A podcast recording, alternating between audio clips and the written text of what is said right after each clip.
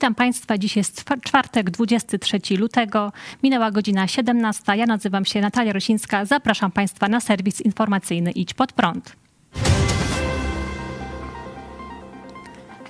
Polska fortyfikuje granice z Rosją. Minister obrony narodowej Mariusz Błaszczak napisał dziś na Twitterze. Rozpoczęliśmy prewencyjną rozbudowę zabezpieczeń na granicy z Rosją i Białorusią.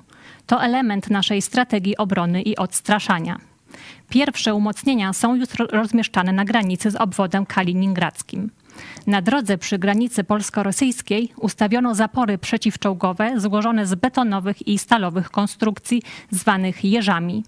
Na polsko-rosyjskiej granicy od początku listopada 2022 roku wojsko stawia tymczasową zaporę z drutu kolczastego, a w marcu ma ruszyć tam budowa bariery elektronicznej.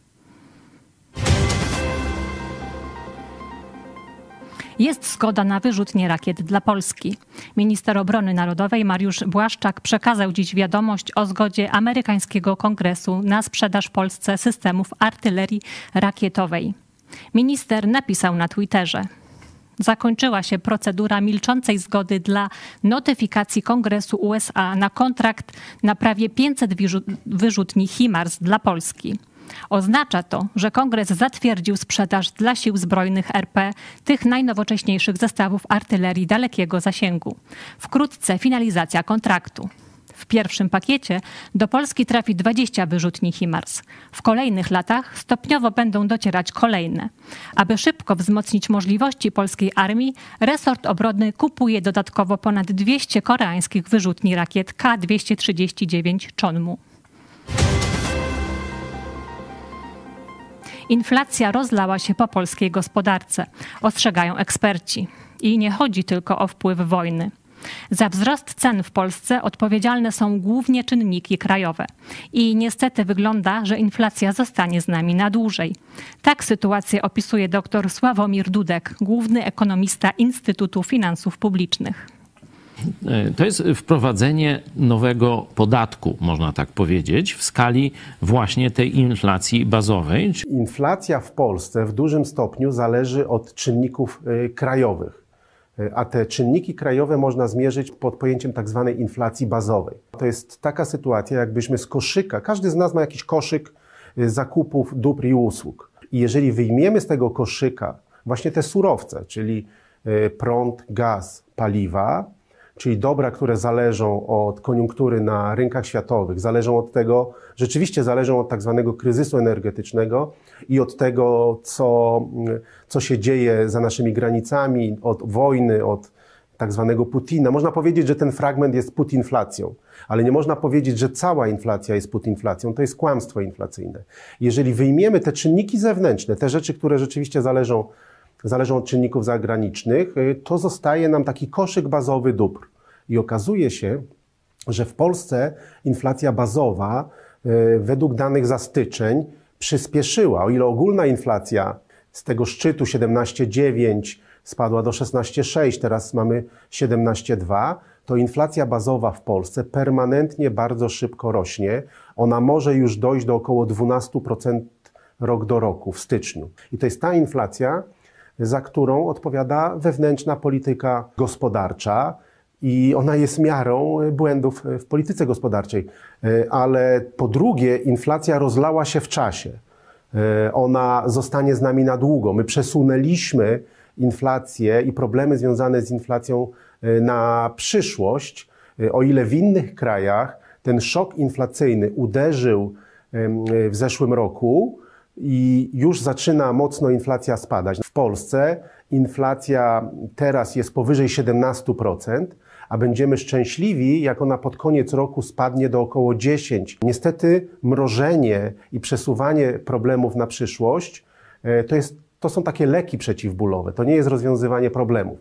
My zastosowaliśmy dawkę leków przeciwbólowych, e, leki już przestają działać, a inflacja zostanie z nami bardzo wysoka.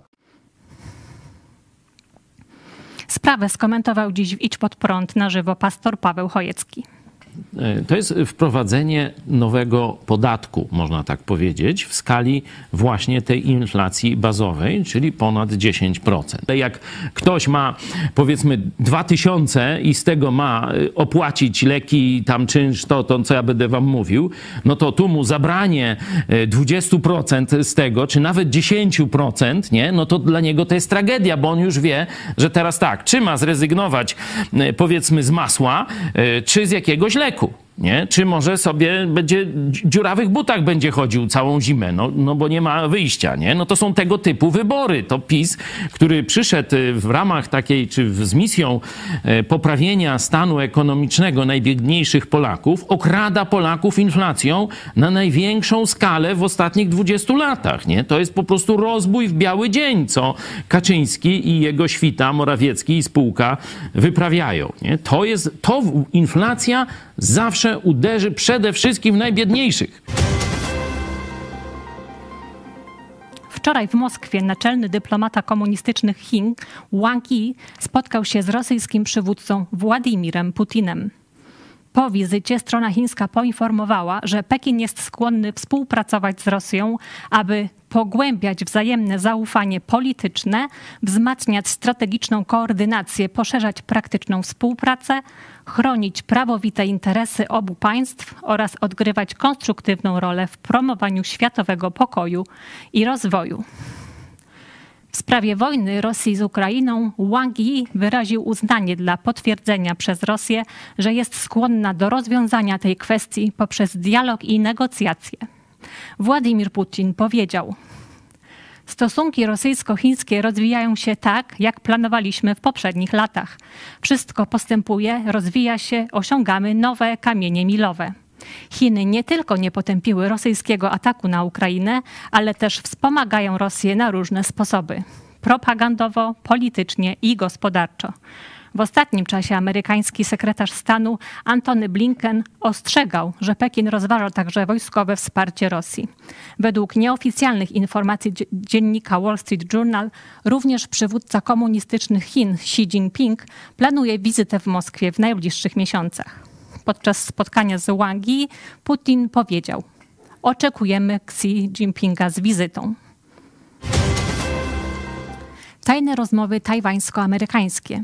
Jak podają tajwańskie media, szef dyplomacji Tajwanu Joseph Fu spotkał się w Stanach Zjednoczonych z amerykańskimi politykami w ramach dorocznego dialogu do spraw bezpieczeństwa. Żadna ze stron nie potwierdziła oficjalnie, że takie spotkanie się odbyło. Gazety podają jednak, że tajwańska delegacja spotkała się z wiceszefową Departamentu Stanu USA Wendy Sherman i zastępcą prezydenckiego doradcy do spraw bezpieczeństwa narodowego Johnem Feinerem. Określają spotkanie jako specjalny dialog dyplomatyczny i wskazują, że nie jest ono nagłaśniane, aby uniknąć reakcji komunistycznych Chin. Wczoraj chińska dyplomacja wyraziła stanowczy sprzeciw wobec wszelkich form oficjalnych kontaktów Stanów Zjednoczonych z Tajwanem i przekazała Amerykanom protest w sprawie wizyty tajwańskiej delegacji. Premier Izraela Benjamin Netanyahu rozważa wizytę na Ukrainie w niedalekiej przyszłości, podaje portal Israel Hayom. Informacji mieli potwierdzić dziennikarzom urzędnicy, choć kancelaria premiera Netanyahu odmówiła komentarza. W ubiegłym tygodniu do Kijowa przyjechał szef izraelskiej dyplomacji Eli Cohen, który spotkał się m.in. z prezydentem Ukrainy.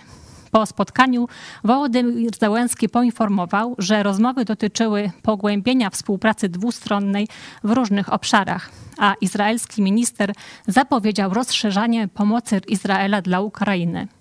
Portal Izrael Hayom na podstawie informacji od ukraińskiego urzędnika podaje, że strona ukraińska już skierowała zaproszenie do szefa rządu Izraela, choć data wizyty nie została ustalona. To wszystko w tym wydaniu serwisu. Zapraszam jeszcze Państwa dziś wyjątkowo w czwartek na studium listu do Koryntian. Spotykamy się jutro o 17. Do zobaczenia.